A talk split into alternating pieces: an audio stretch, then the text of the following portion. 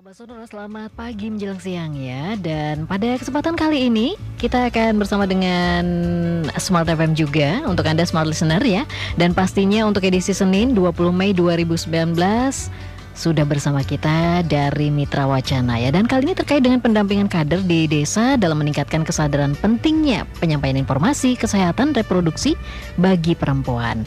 Nah kali ini sudah hadir di studio kita sapa dulu ada Kepala Desa Tegarejo Ibu Juariah atau Bu Juju. Selamat pagi Bu. Selamat pagi. Assalamualaikum. Waalaikumsalam warahmatullahi wabarakatuh dan juga di sini ada kader Tegarejo Ibu Trianingsi. Selamat pagi. Selamat pagi Ibu. Assalamualaikum warahmatullahi warahmatullahi wabarakatuh. Waalaikumsalam warahmatullahi wabarakatuh. Dan pagi ini temanya cukup menarik ya. Kita akan membahas seputar uh, pendampingan kader di desa dalam meningkatkan kesadaran pentingnya penyampaian informasi kesehatan reproduksi bagi perempuan. Nah, kalau dilihat dari perkembangan sekarang, seperti apa sih sebetulnya kita sebagai perempuan harus kemudian menjaga reproduksi kita Bu. Bu Juji atau Bu Tria, Tria dulu.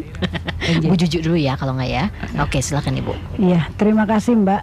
Kalau untuk sebagai seorang perempuan itu sangat diperlukan sekali mengetahui tentang kesehatan reproduksi. Oke. Okay. Karena hmm. dalam arti untuk mencegah hal-hal yang tidak diinginkan hmm. Seperti penyakit dalam rahim kita dan sebagainya terutama di sini kami sebagai pemerintah kelurahan kebetulan kami seorang wanita itu mm -hmm. sangat kami utamakan okay. sasaran kami yaitu dari eh, remaja-remaja uh, yang ada di wilayah mm -hmm. itu memang kami selalu membuat penyuluhan atau workshop yang ada untuk kesehatan remaja okay. terutama di bidang kesehatan reproduksi. Mm -hmm.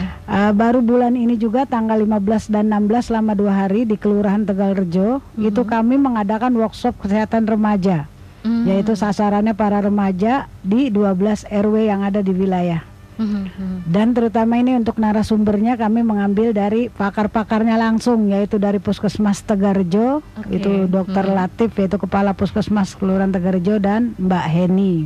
Hmm. Sedangkan ada satu yang memang pakar juga di sini kami ambil narasumbernya dari Rumah Sakit Ludiro Husodo Tama yaitu hmm. Jalan Wiratama hmm. nomor 6 dan itu itu ada dokter Chandra dan juga dokter Evi itu mm. beliau adalah seorang dokter yang pakar tentang kesehatan remaja khususnya alat-alat retribusi Oke, berarti di sini betul-betul paham ya Bu ya, yeah. supaya nanti ketika ada pertanyaan juga menjelaskannya lebih enak gitu ya. Yeah. Oke, dan pasti untuk Anda sahabat Sonoro dan Smart Listener ya, pada kesempatan pagi hari ini kita membahas seputar pendampingan kader nih di desa dalam meningkatkan kesadaran pentingnya penyampaian informasi kesehatan reproduksi bagi perempuan ya. Untuk Anda yang bergabung silahkan melalui SMS maupun WhatsApp Sonora di 081754832000 atau phone live di 557762 ya. Karena di sini uh, Eh, kita berbincang seputar reproduksi melihat bahwa uh, apa ya ibaratnya kematian ibu juga cukup tinggi juga ya Bu ya untuk Indonesia. Ya. Teman-teman di Jogja sebisa mungkin kita tekan ya supaya tidak ada kematian ibu sama Betul. sekali ya. ya. Oke, okay. nah kali ini kalau dilihat bagaimana sebetulnya kesadaran masyarakat terhadap informasi kesehatan reproduksi ini Bu bagi perempuan Bu iya, Tria? Iya. Hmm. Itu di uh, kesadaran itu diawali dari masyarakat kecil yaitu keluarga okay. bahwa setiap keluarga yang mempunyai anak menginjak ke remaja mm-hmm. harusnya idealnya ibu yang sama-sama perempuan itu memberikan pendidikan pendidikan sedini mungkin tentang mm-hmm. pentingnya reproduksi reproduksi perempuan okay. kemudian dengan mengenalkan bahwa perempuan itu nanti akan mengalami menstruasi akan mengalami kehamilan, akan mengalami ibu menyusui, nifas dan sebagainya. Itu seharusnya, tapi rata-rata anak-anak itu takut tanya pada ibu. Okay. Kadang ibu juga sungkan untuk memberitahu kepada anak putrinya. Mm -hmm. kadang-kadang anak itu justru malah tanya kepada teman sebaya. Hmm. Nah, teman sebaya kalau dia lebih tahu bagus, hmm. tapi sama-sama tidak tahu akhirnya mempunyai penasaran. Mencoba, ya. Nah, okay. mempunyai penasaran ya, ya. akhirnya dia punya kalau insya Allah kalau anak itu didikan agama di dalam keluarga itu mateng, hmm. dia nggak akan neko-neko kan gitu. Yeah. Tapi bagi anak yang agamanya minim, dia akan penasaran. Hmm. Penasaran akhirnya dengan zamannya zaman milenial seperti ini dia pakainya pakai HP mencari ya, sendiri mencari ya, sendiri hmm. hal-hal yang yang kita katakan negatif sampai pada porno. Hmm. Setelah dia melihat gambar-gambar seperti itu penasaran, hmm. dia akan mencoba mencoba Bahaya mencari itu. lawan. Hmm. Nah, itu lawan jenisnya yang sekarang banyak sekali anak-anak itu terjadi kehamilan yang tidak diinginkan. Mm. Karena di kota mm. itu saya dari seminar atau workshop tentang reproduksi perempuan ini, mm -hmm. anak umur 10 tahun lebih sekian bulan mm -hmm. itu bisa hamil. 10 tahun lebih sekian iya, bulan bisa. itu bisa hamil okay. di kota mm-hmm. Yogyakarta mm -hmm. itu mm -hmm. akan akan me membawa dampak kota Yogyakarta khususnya uh, jajaran kesehatan itu prihatin mm -hmm. terhadap itu. Oke. Okay. Dan saya juga sebagai kader kesehatan di sini merangkap sebagai kader Sigra. Mm -hmm. Pernah dari teman itu anak TPA. Mm -hmm. Itu pada waktu dia TPA di tempat TPA ada jam istirahat. Okay. Jam hmm. istirahat, saya sampai prihatin juga itu dengar dari teman saya itu kebetulan tetangganya. Hmm. Anak TPA itu sudah berduaan laki dan perempuan, dia sembunyi-sembunyi itu mengeluarkan alat kelaminnya. Oke, okay. masing-masing. Nah, itu kan sudah sudah menjadi keprihatinan kita bersama. Hmm. Apalagi sekarang dengan kepedulian perempuan ya, karena perempuan juga dituntut untuk berprofesi, bekerja, mm-hmm. mencari nafkah tambahan.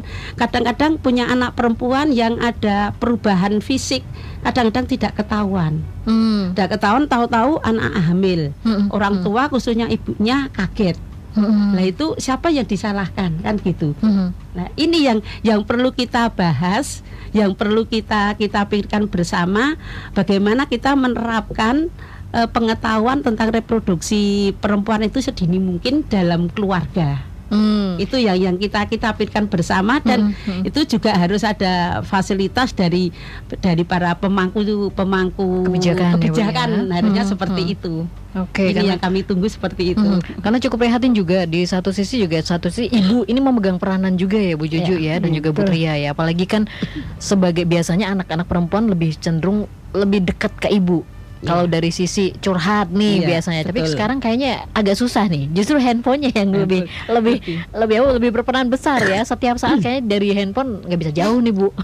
Bangun okay. tidur sampai mau tidur. Iya bangun tidur sampai dengan ini uh, mau tidur lagi tuh kayaknya handphone di samping terus gitu kan. Nah tapi sejauh ini kalau untuk orang tua yang mungkin masih kemudian merasa uh, apa ya ibarat bukan malu ya tabu untuk memberikan informasi kepada anak-anaknya ini seperti apa Bu? Apakah ada ada uh, trik tersendiri nih untuk Bu Juju maupun Bu Tria? Mungkin Bu Juju ini yang menyampaikan yeah. triknya untuk yang mungkin sungkan untuk menyampaikan yeah. seperti apa? Terima kasih Ibu. Kebetulan saya sendiri memiliki seorang putri okay. yaitu sudah 19 tahun mm -hmm. uh, masih kuliah di kebidanan semester 4. Oke. Okay. Yang kebetulan memang saya dari seawal mungkin dari mulai SMP kami sudah ada pendekatan bagaimana caranya seorang ibu agar dianggap seperti sahabat oleh anaknya sendiri. Iya. Jadi mm. agar harapan kami nantinya anak-anak remaja yang kita miliki tidak curhat ke orang lain, mm -hmm. tapi kita bikin sistem itu seperti sahabat. Jadi anak kita kadang-kadang bisa merindukan kita untuk menceritakan suatu hal yang memang uh, dialami. Mm -hmm. Jadi paling tidak semacam itu yang saya bangun agar nanti putra putri kita agar nanti bisa lebih banyak curhat ke kita daripada ke orang lain. Mm -hmm. Karena kalau orang lain ada yang memang mendidik dengan baik, ada juga yang menjerumuskan ke arah yang tidak baik. Mm -hmm. Kalau ke orang tuanya kan pastinya kita mendidik yang ke arah yang lebih baik dan baik. Mm-hmm. Jadi uh, saya buat semacam itu agar nanti itu juga saya terapkan di wilayah. Saya sering menginformasikan lewat RT RW PKK mm-hmm. agar anak putra putri kita jadikanlah agar anak-anak tersebut bisa menjadi kita menjadi sahabat mereka. Mm-hmm. Jadi mm-hmm. bukan sebagai seorang ibu yang selalu nuding memerintahkan dan sebagainya. Mm-hmm. Jadi buat kita itu sebagai sahabat. Jadi dia tidak sungkan lagi untuk cerita hal yang tabu pun dia tidak sungkan lagi. Hmm. Nah, saat itulah kita memberi masukan bahwa alat retribusi yang dimiliki oleh anak kita itu harus dijaga kebersihannya, hmm. dijaga baik-baiknya sistemnya dan sebagainya agar tidak ada lagi satu pernikahan dini, hmm. yang kedua tidak ada lagi nanti uh, hamil di luar nikah hmm. dan juga jangan sampai anak-anak kita belum waktunya sudah melakukan hal-hal yang kurang baik. Kalau okay. saya trik saya semacam itu dan itu sudah sering saya sampaikan bila mana ada pertemuan-pertemuan dengan terutama kader-kader PKK yang ada di wilayah. Hmm, berarti di sini secara tidak langsung kita juga perlu tahu dong kegiatan putra putri kita ya, perlu ya Bu ya. Sepulang sekolah, iya, kemudian dari luar iya, gitu iya. ya. Gak ada salahnya nih. Sekali-kali memang walaupun dia udah kuliah, udah besar, jangan hmm, hmm. seorang ibu yang selalu sibuk di kantor, seorang ibu yang selalu uh, seperti saya kan pulang sering malam, hmm. dan lagi pulang sering sore. Tapi bagaimanapun juga HP setiap berapa jam mesti saya kontak anak. Itu okay. adalah harapannya untuk bisa mengecek kamu di mana nak, mm-hmm. kamu sudah makan belum nak, mm-hmm. nanti pulang kuliah jam berapa. Itu yang saya laksanakan kalau di keluarga saya. Mm-hmm. Itu pun juga saya salurkan kepada di wilayah mm-hmm. agar bisa berbuat seperti itu. Jadi bagaimanapun anak mau berbuat yang kurang baik, dia akan selalu diingatkan lewat HP. Sekarang hmm. sudah tidak perlu kita ke kampus HP. Hmm. Dan bukan cuma itu Mbak, kalau saya juga kalau bisa kita mengecek juga dengan guru prodinya. Jadi paling tidak anak ini sampai jam berapa, bukan ngerocek tidak percaya, yeah. tapi untuk pendampingan saja. Hmm. Apakah betul anak kita masih kuliah ataupun memang sudah itu hari libur? Hmm. Kan anak sekarang lebih pintar dari kita gitu. Yeah. Jangan sampai hal itu terjadi. Kita juga uh, jalinlah komunikasi yang baik dengan kampus, dengan kepala sekolah ataupun dengan guru pembimbing yang ada di sekolah anak kita. Kalau iya. saya punya trik semacam itu agar nanti tidak terjadi lagi dia ngapusi orang tua hmm, belajar. Hmm. Selain pendidikan agama yang memang kita wajib tanamkan untuk anak-anak kita. Oh, luar biasa sekali kalau Bu Juju. Tips dan triknya sudah langsung disampaikan ya Bu ya. Yeah. Kalau Bu Tria seperti apa nih Bu? Kalau yeah. untuk uh, penanganan di dalam keluarga sendiri? Ini saya tidak hanya kepada keluarga sendiri tapi mm -hmm. juga untuk masyarakat pada umumnya. Hmm, hmm. Karena saya sebagai koordinator kader kesehatan di kelurahan dan di kecamatan, hmm. saya ada pertemuan rutin setiap bulan. Okay. Dengan kader-kader kesehatan yang dia mewakili RT RW. Hmm. Gitu. Kami punya komunitas pertemuan itu setiap tanggal 23, hmm. tempatnya bergiliran hmm. dan isinya itu tentang kesehatan. Oke. Okay. Jadi kami sampaikan kaitannya dengan bina keluarga remaja. Kebetulan hmm. saya sebagai pembina BKR di RW saya, hmm. itu saya sampaikan bahwa kita memang perlu pembinaan remaja. Kebetulan saya selalu dengan bulurah kemarin, tapi saya nggak bisa hadir karena kebetulan saya pas pas banyak kegiatan juga. -hmm. Saya itu dengar kalau ada itu apa workshop, uh, workshop tentang kesehatan, kesehatan remaja, remaja. -hmm. tapi saya nggak bisa hadir ya karena kelihatannya pensiunan tapi juga super sibuk gitu ya ke mana-mana gitu ya uh-huh. itu saya sampaikan pada waktu pertemuan dengan kader toh kader juga mempunyai anak perempuan uh-huh. di antara kader itu banyak punya anak remaja anak perempuan bahkan sudah dewasa uh-huh. itu tetap saya pesan tolong bu kita sebagai tokoh masyarakat, saya kan gitu, hmm. kita tetap harus bisa menjaga dari keluarga kita sendiri iya. sebagai contoh, sebagai figur yang bisa menjadi panutan masyarakat sekitarnya. Hmm. Saya sampaikan seperti itu. Hmm. Syukur kalau di wilayah itu ada kegiatan kampung ramah anak, hmm. itu memang memang tempat untuk pembinaan anak-anak remaja, laki maupun perempuan, itu bagus. Hmm. Kemudian juga uh, ini ada kegiatan uh, remaja masjid. Hmm. itu saya mengharapkan itu bisa dioptimalkan. Tapi sulit juga karena dengan HP itulah adalah dia teman paling paling paling dekat sekarang itu sulit sekali. Bahkan juga saya sampaikan anak-anak tolong kalau waktunya belajar jangan pegang HP itu sudah saya sampaikan di pertemuan pas BKR gitu. Kemudian ibu-ibu juga jangan apa ibu sibuk dengan dirinya sendiri ke PKK lupa dengan anaknya. Mm-hmm. sering saya kalau ketemu anak-anak remaja juga saya tanya dek kok sekolahnya udah pulang?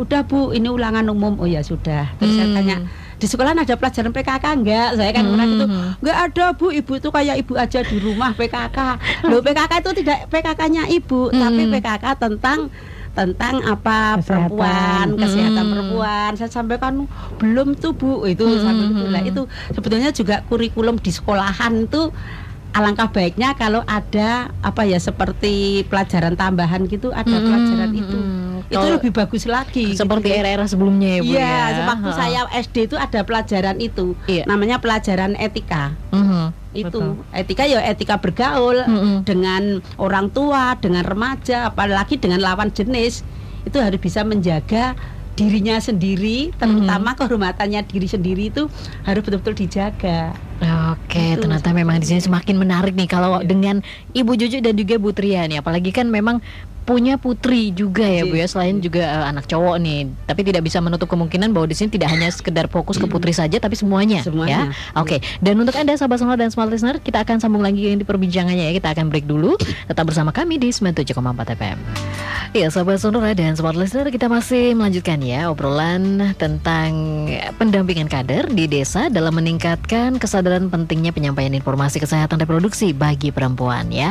Dan masih bersama dengan Kepala Desa Tegalrejo ada Ibu Juwaria atau Bu Juju dan juga ada kader Tegal Rejo ya selaku ketuanya Ibu Trianingsih ya.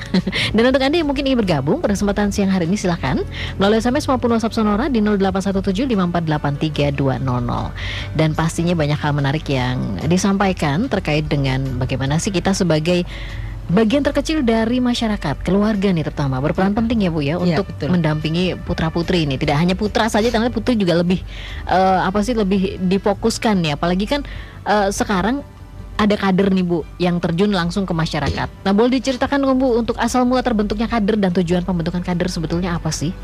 dari Bu Juju. Oh iya. Mm -hmm.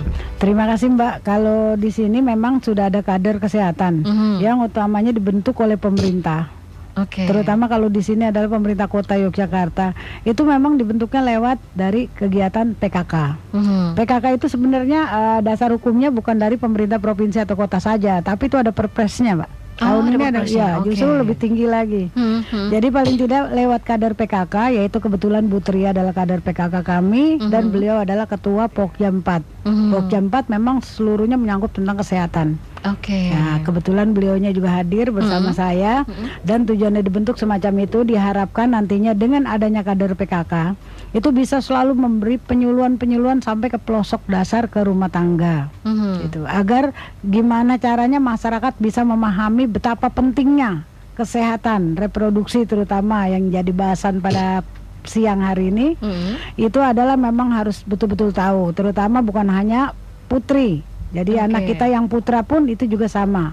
Harus bisa uh, memahami bahwa kesehatan itu sangat penting, penting sekali untuk jangka panjang yang akan datang. Mm -hmm. Karena dengan adanya kesehatan reproduksi yang kita sehat sedini mungkin, insya Allah nantinya ke depan bisa membina rumah tangga dan juga anak-anak mereka di hari kemudian mm -hmm. semacam itu jangan sampai terjadi yang tadi saya katakan pernikahan dini mm -hmm. oh ya mbak satu lagi saya lupa tadi uh, pemerintah desa kelurahan. Sebenarnya saya adalah uh, lurah kota, jadi di sini bukan desa tapi kota. Oh, lurah kota ya bu ya. Nah, okay. Pemerintah kota Yogyakarta yaitu Lurah Tegarejo Kota Yogyakarta. Jadi mm -hmm. kalau desa itu di kabupaten.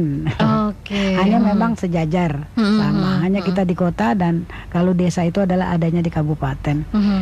uh, di sini saya lanjutkan lagi uh, gunanya pentingnya untuk itu semacam itu kader itu bisa masuk-masuk ke mulai dari yang paling bawah yaitu dasar rumah tangga. Mm -hmm. Bisa menyampaikan door to door seperti Bu Tria sampaikan bahwa ada pertemuan rutin setiap bulan ataupun mm -hmm. dua bulanan dan tiga bulanan. Mm -hmm. Itu yang memang perlu disampaikan disampaikan dari kader kesehatan langsung kepada ibu-ibu, keluarga, juga remaja-remaja yang ada. Mm-hmm. Itu door to door kerjanya dan itu tidak berbayar itu kader mbak. Sosial Beda, ya sosial.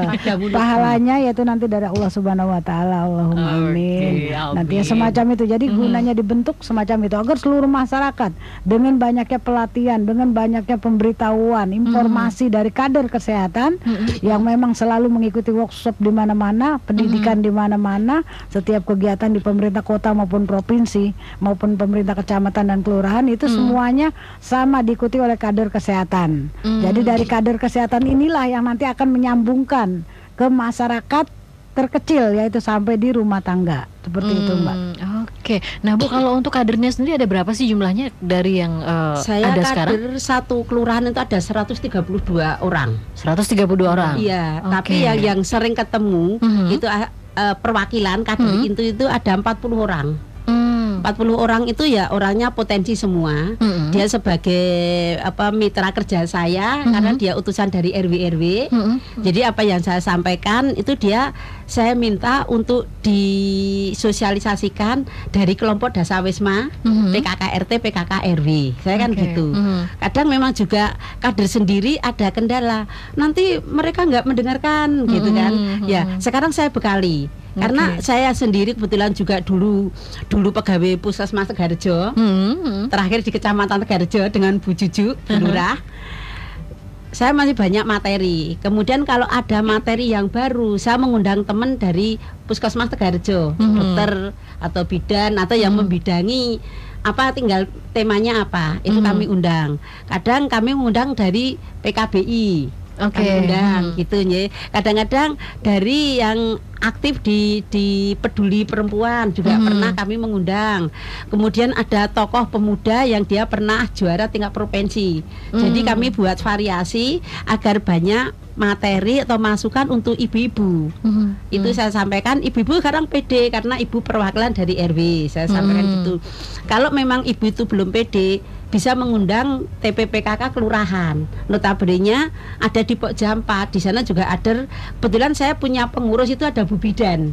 Pas banget ya, iya, Bu ya. Bu Bidan, Bu Bidan tinggalnya di Kelurahan Tegarjo. Okay. Dia memang meng, Bu Dunu Dari RW lagi. Dari hmm. RW rumahnya dekat kelurahan. Okay. Jadi praktis sekali gitu. Di, kalau saya tidak um, apa itu paham dengan dengan persalinan dan komplikasinya apa-apa itu saya yang suruh ngisi saya minta bu bidannya hmm. saya punya dua bidan hmm. yang dia menjadi pengurus Pok Jampat hmm. gitu sama sama Mbak ya. Mitri itu kebetulan hmm. dia juga aktif di gerakan sayang ibu di kelompok kelompok pendukung kesehatan ibu dan anak hmm. jadi Alhamdulillah di Kelurahan Tegarjo itu banyak sinkronnya. Komplit berarti ya. ya. Jadi kegiatan itu selalu ada bahkan hmm. kalau pertemuan itu dari jam 4 itu sampai adzan maghrib belum selesai.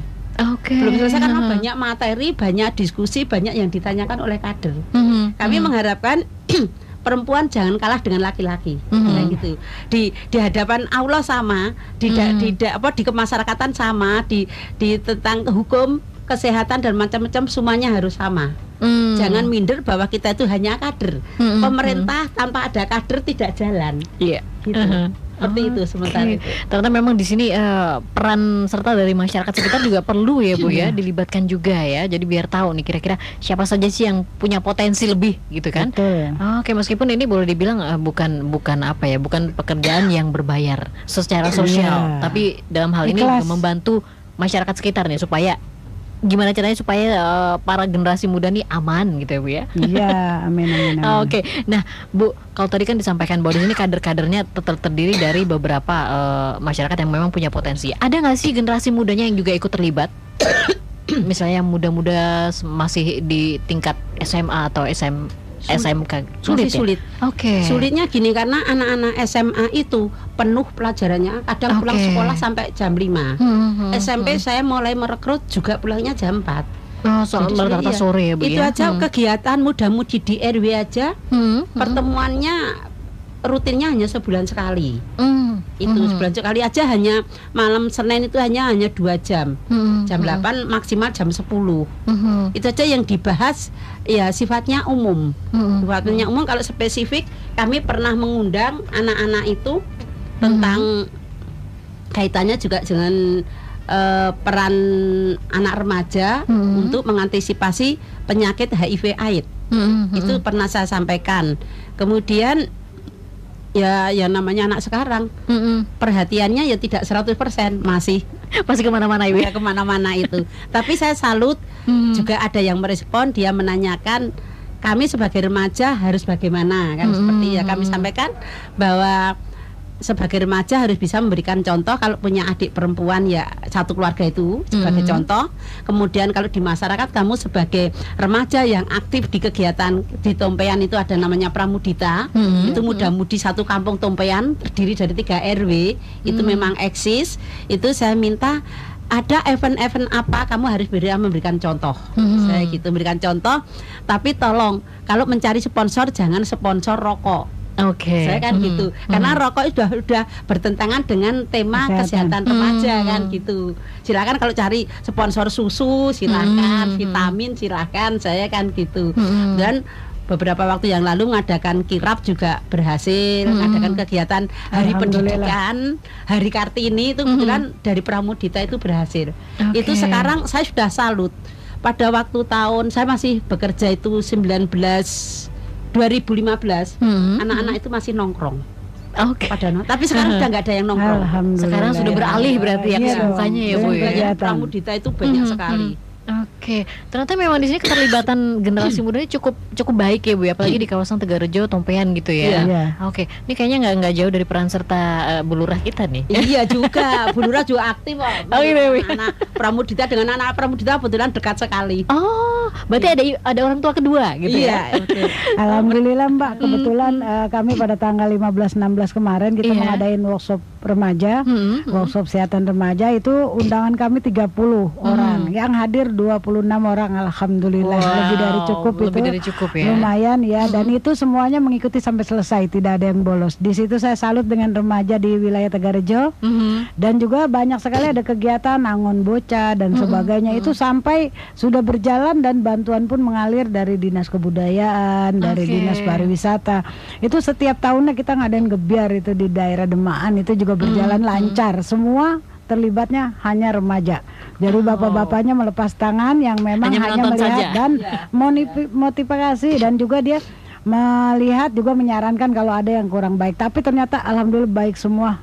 Kita ah, salut dengan remaja biasa. yang bisa kita tuntun. Hanya saja itu Mbak, setiap kegiatan mereka apa pun itu, mm -hmm. lupa ngundangi lewat WA dia WhatsApp saya, Bu. Ini kami ada rapat ini, Bu bisa hadir nggak? Insya Allah tidak bertentangan, saya Insya Allah hadir. Di situ yang mereka menjadi support hmm, uh, kebersamaan. Saya memang cara pendekatannya dengan jalan kegiatan apa pun kita usahakan untuk bisa hadir gitu. Hmm. Jadi kita tahu persis permasalahan, hmm. keluhan apa yang diinginkan hmm. itu nanti akan kita masukkan dalam satu program remaja hmm. yang memang ada di pemerintah kota. Gitu. Wow, betul luar biasa ini ya untuk Tegal Rejo sendiri kegiatan positif untuk remaja cukup banyak ternyata ya. Hmm. Oke, okay, dan sahabat semua serta partner untuk anda yang uh, mungkin ingin tahu lebih banyak ya, ada apa saja sih sebetulnya? Kemudian uh, terkait penyuluhan maupun promosi kesehatan reproduksi selama ini persiapannya seperti apa sih? Kemudian ada pelatihan gak sih? Nanti kita akan ngobrol lagi ya bersama dengan Bu Juju dan juga Bu Tria ya. Tetap bersama kami di 97,4 FM.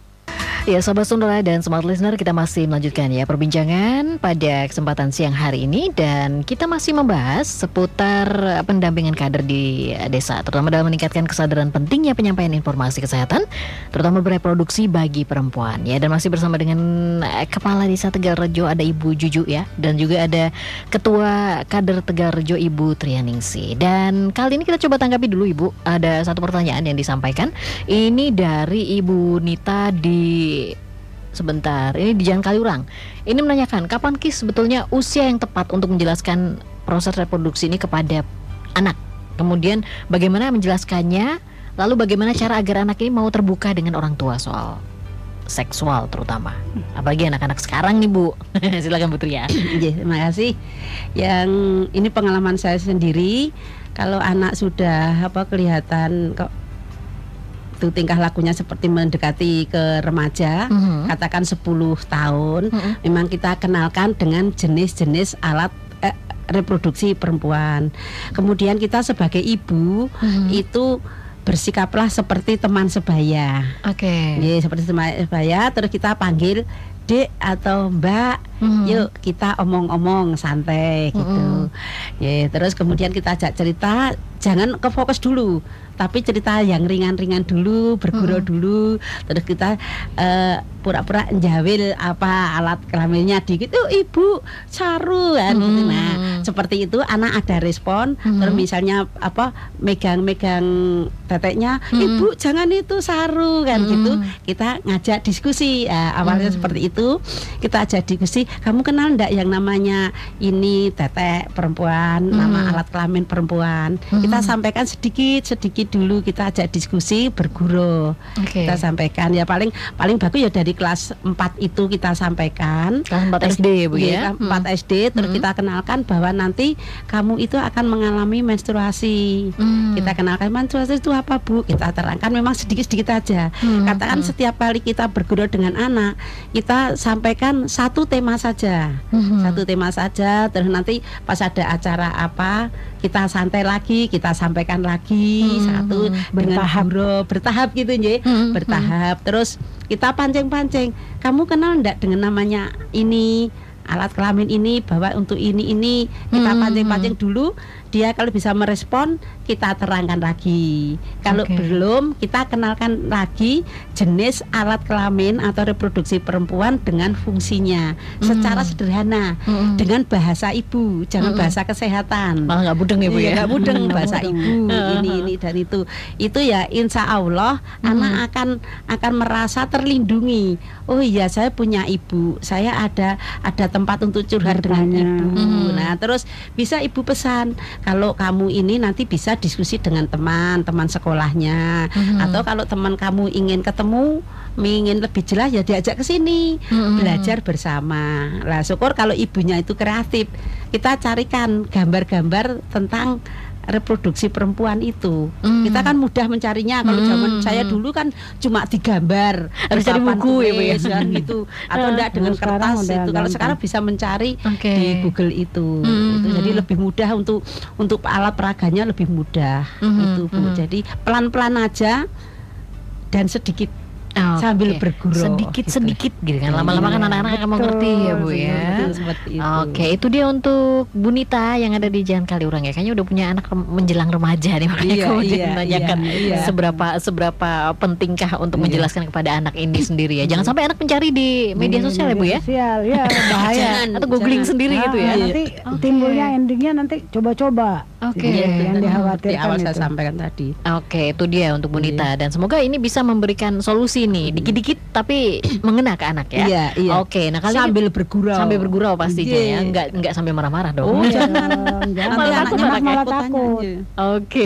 Nah, kemudian kita coba kembali untuk menanggapi pertanyaan dari Ibu Erlina. Ini ada di Jalan Magelang, tepatnya di Bank Mandiri, Sudirman Magelang ya. Ini tertarik mengenai kegiatan uh, ataupun reproduksi untuk wanita.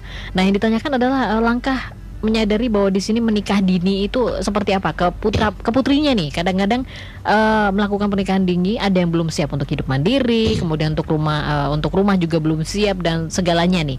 Nah kemudian uh, bagaimana untuk memberikan masukan kepada putri kita terutama untuk putrinya Bu Erlina nih yang akan masuk ke jenjang pernikahan. Nah, silakan Bu Juju iya. atau Bu okay. ya. Terima kasih Mbak.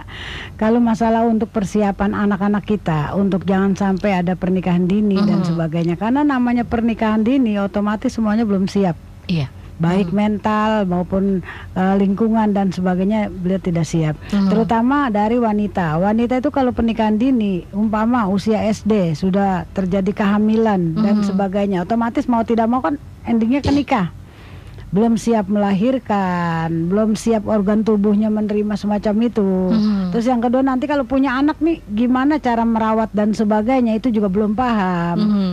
Uh, dengan keilmuan cara merawat bayi dan sebagainya, cara mendidik bayi. Kalau otomatis melahirkan orang diperkosa aja bisa hamil kan hmm. begitu.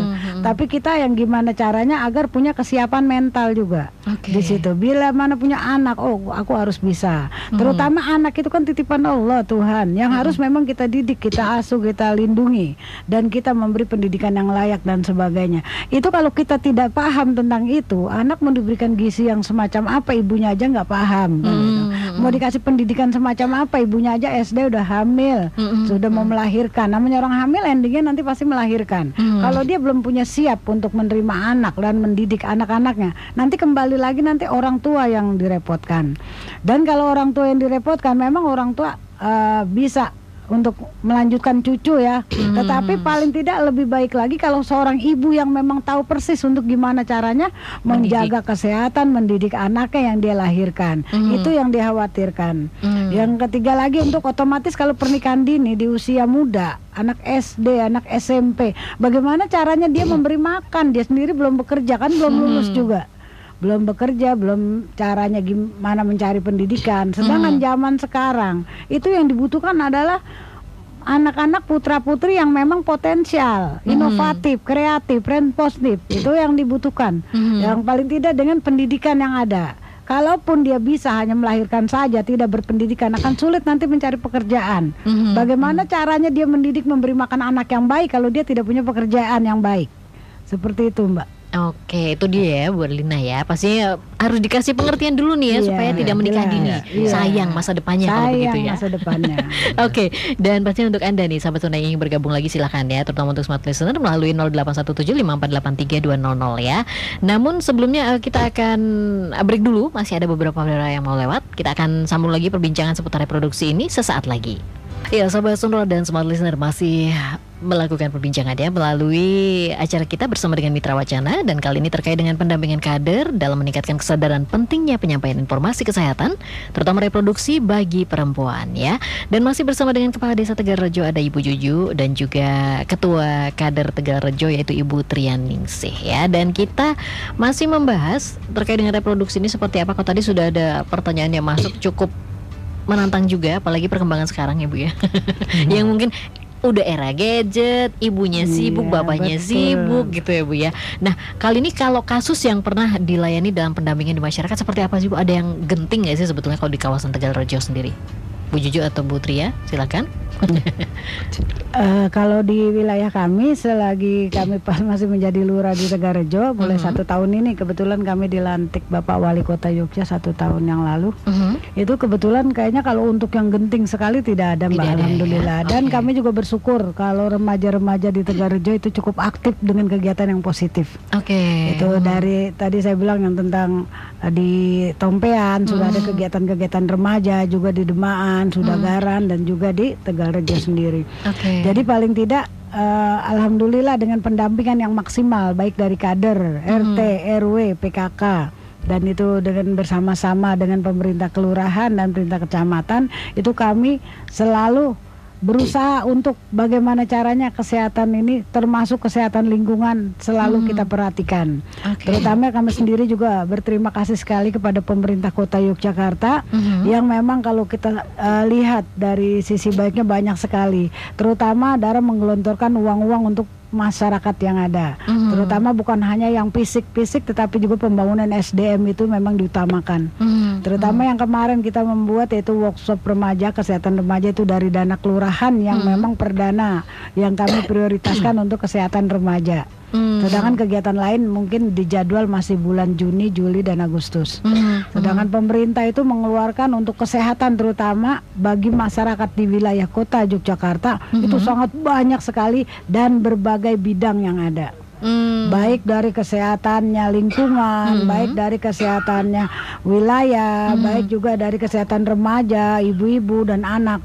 Pokoknya gimana caranya pemerintah mengeluarkan anggaran yang cukup besar untuk kesehatan di wilayah kota Yogyakarta. Berarti di sini pemerintah sangat peduli sekali ya, sangat ya, Bu peduli ya. Sekali. Dan pastinya juga ini tidak hanya karena kalau Bu Lurah sendiri yang bekerja bekerja sendirian juga nggak mungkin tidak ya. mungkin, tidak Tetap mungkin harus tanpa ada yang, kader. Hmm, iya. Tanpa harus ada, harus ada kader-kader iya. juga yang kemudian ikut terlibat. Iya, kita harus bersama-sama. Hmm, hmm okay. Harus gerakan serentak bersama-sama dari mulai tingkat yang paling bawah sampai atas yang punya kebijakan. Oke, okay, itu tadi kalau dari Bu Juju ya. Sementara dari uh, Bu Trian nih selaku kader sendiri. Okay.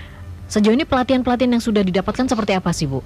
Ya, cukup banyak kah? Pelatihan apa itu ini uh -huh. untuk yang terkait dengan posyandu, uh -huh. kami juga mengutamakan tentang kesehatan uh -huh. anak balita dulu sampai nanti ke remaja. Kemudian dengan adanya SDI DTK hmm. yaitu survei deteksi dini tumbuh kembang anak. Kemudian sampai pada remajanya kami uh, lewat pembinaan keluarga yaitu namanya Bina Keluarga Remaja. Okay. Kemudian untuk remajanya sendiri namanya PIKR Pusat Informasi Konseling Remaja. Mm. Itu ada di Kelurahan Tegarjo ada dua, mm-hmm. yaitu di RW 2 Tompean dan di RW 4 Tegarjo. Mm. Kemudian di Tompean sendiri dalam satu kampung itu ada tiga RW. Mm-hmm. Tadi saya sampaikan ada pramudita. Pramudita mm -hmm. itu anak-anak dari anak-anak remaja sampai yang sudah dewasa. Mm -hmm. Saya katakan dewasa karena sudah banyak sudah selesai kuliahnya, dia sudah bekerja, tapi dia masih bergabung di Pramudita. Dia sebagai pembina, sebagai pengurus. Okay. Kemudian di Tegarjo RW 5 dan Demaan Baru RW 9 itu ada namanya Kampung Ramah Anak. Hmm, itu okay. ada pertemuan rutin, hmm, ada pertemuan rutin. Terus uh, ini di Kampung KB hmm, juga hmm. sekarang digiatkan, hmm. digiatkan kegiatan-kegiatan yang dengan dengan kaitannya dengan kesehatan juga.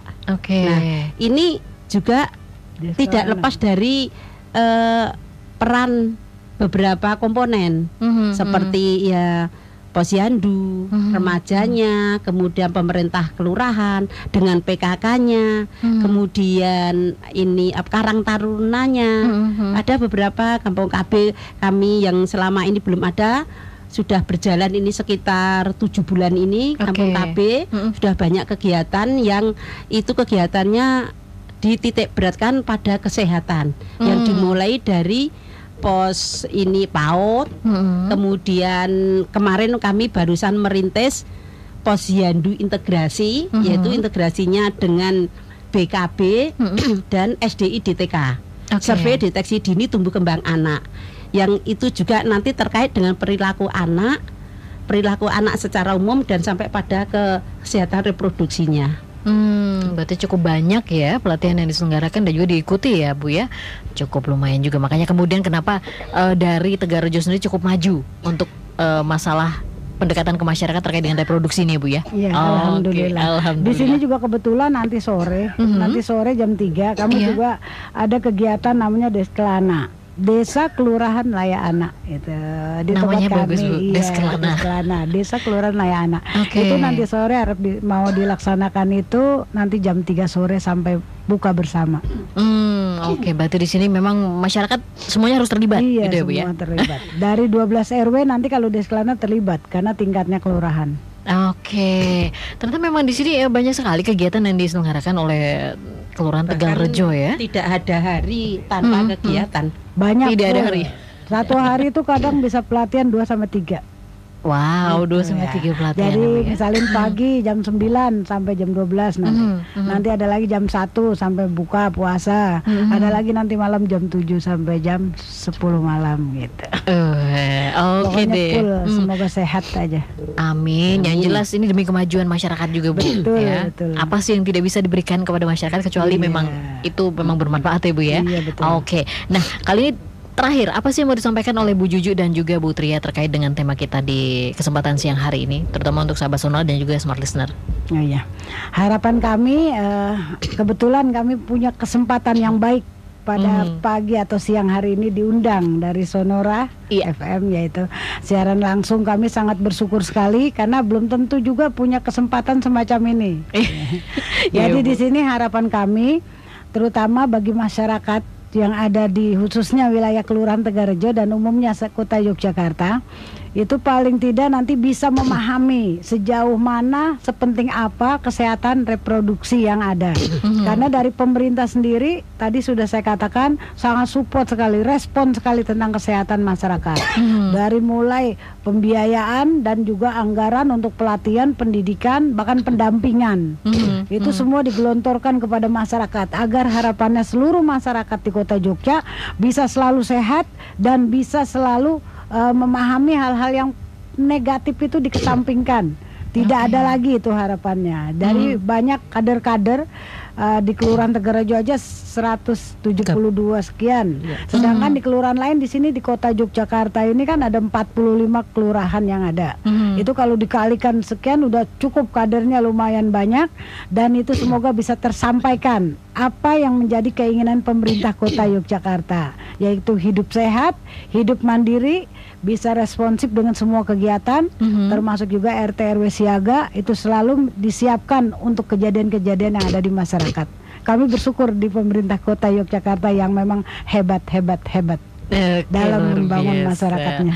Luar biasa sekali Bu Juju. Eh, kemudian Ibu Tria apa nih yang mau disampaikan? Terima kasih. Hmm. Uh, karena saya juga sebagai pengurus kelurahan siaga uh-huh. tahun kemarin sudah dicanangkan ada RT siaga RW siaga uh-huh. dengan harapan dengan adanya RT siaga ini itu bisa bisa memperhatikan anak-anak khususnya anak-anak remajanya putri mm-hmm. itu akan ada nilai plusnya dalam pemerhatiannya oleh PKK RT okay. oleh oleh pengurus RT mm-hmm. itu harapannya seperti itu kemudian yang di tingkat RW melalui kegiatan bina keluarga remaja kampung ramah anak seperti mm-hmm. tadi angon bocah mm-hmm. itu harapan kami tetap berjalan Nah, kepada pemerintah Kota Yogyakarta, kami mengharapkan ada dana. Hmm. Dana lebih banyak difokuskan pada pembinaan remaja okay. dengan melalui workshop, seminar ataupun dengan praktek-praktek kegiatan yang positif